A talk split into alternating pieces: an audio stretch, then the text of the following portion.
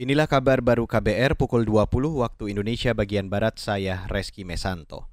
Saudara Wakil Presiden Maruf Amin menyebut produk sarang burung walet Indonesia sulit menembus pasar Tiongkok kecuali melalui negara perantara lebih dulu yakni Hong Kong. Fakta ini disampaikan Wapres saat berdialog dengan pelaku UMKM sarang burung walet di Gresik, Jawa Timur hari ini. Itu sebab pemerintah berkomitmen mencarikan solusi untuk menangani masalah pemasaran produk sarang burung walet. Hanya memang di RCS ini ada persyaratan-persyaratan yang tadi saya dengar uh, sulit, artinya ada yang agak rigid sehingga yang bisa masuk ke sana itu hanya di kualifikasi tertentu dan jumlahnya justru tidak terlalu banyak. Ya. Yang banyak justru tidak bisa masuk saya tanya apakah itu karena memang khasiatnya berbeda.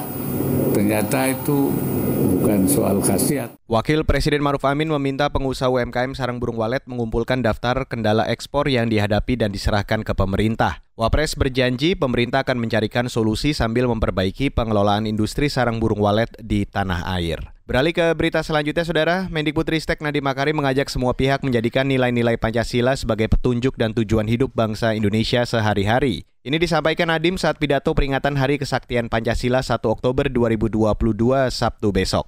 Kemendikbudristek telah berkomitmen untuk terus menghadirkan transformasi yang selalu sejalan dengan pesan Bung Karno dalam pidato lahirnya Pancasila yakni bahwa di atas kelima dasar Pancasila kita mendirikan negara Indonesia kekal dan abadi. Untuk itu, di atas kelima dasar Pancasila, mari kita terus bergerak serentak, mewujudkan merdeka belajar dan merdeka berbudaya, membawa Indonesia ke masa depan.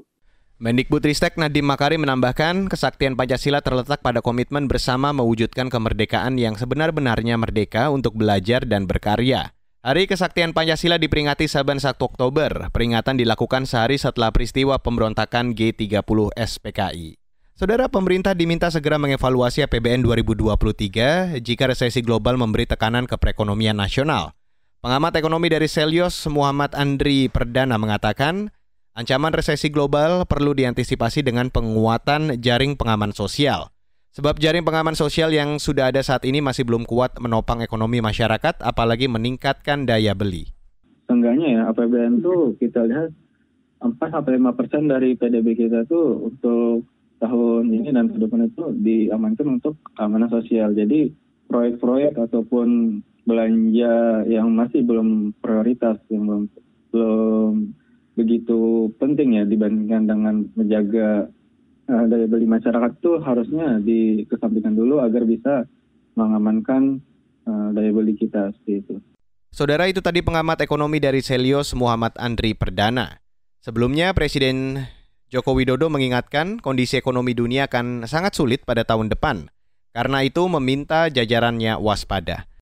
Dan saudara, demikian kabar baru saya Reski Mesanto.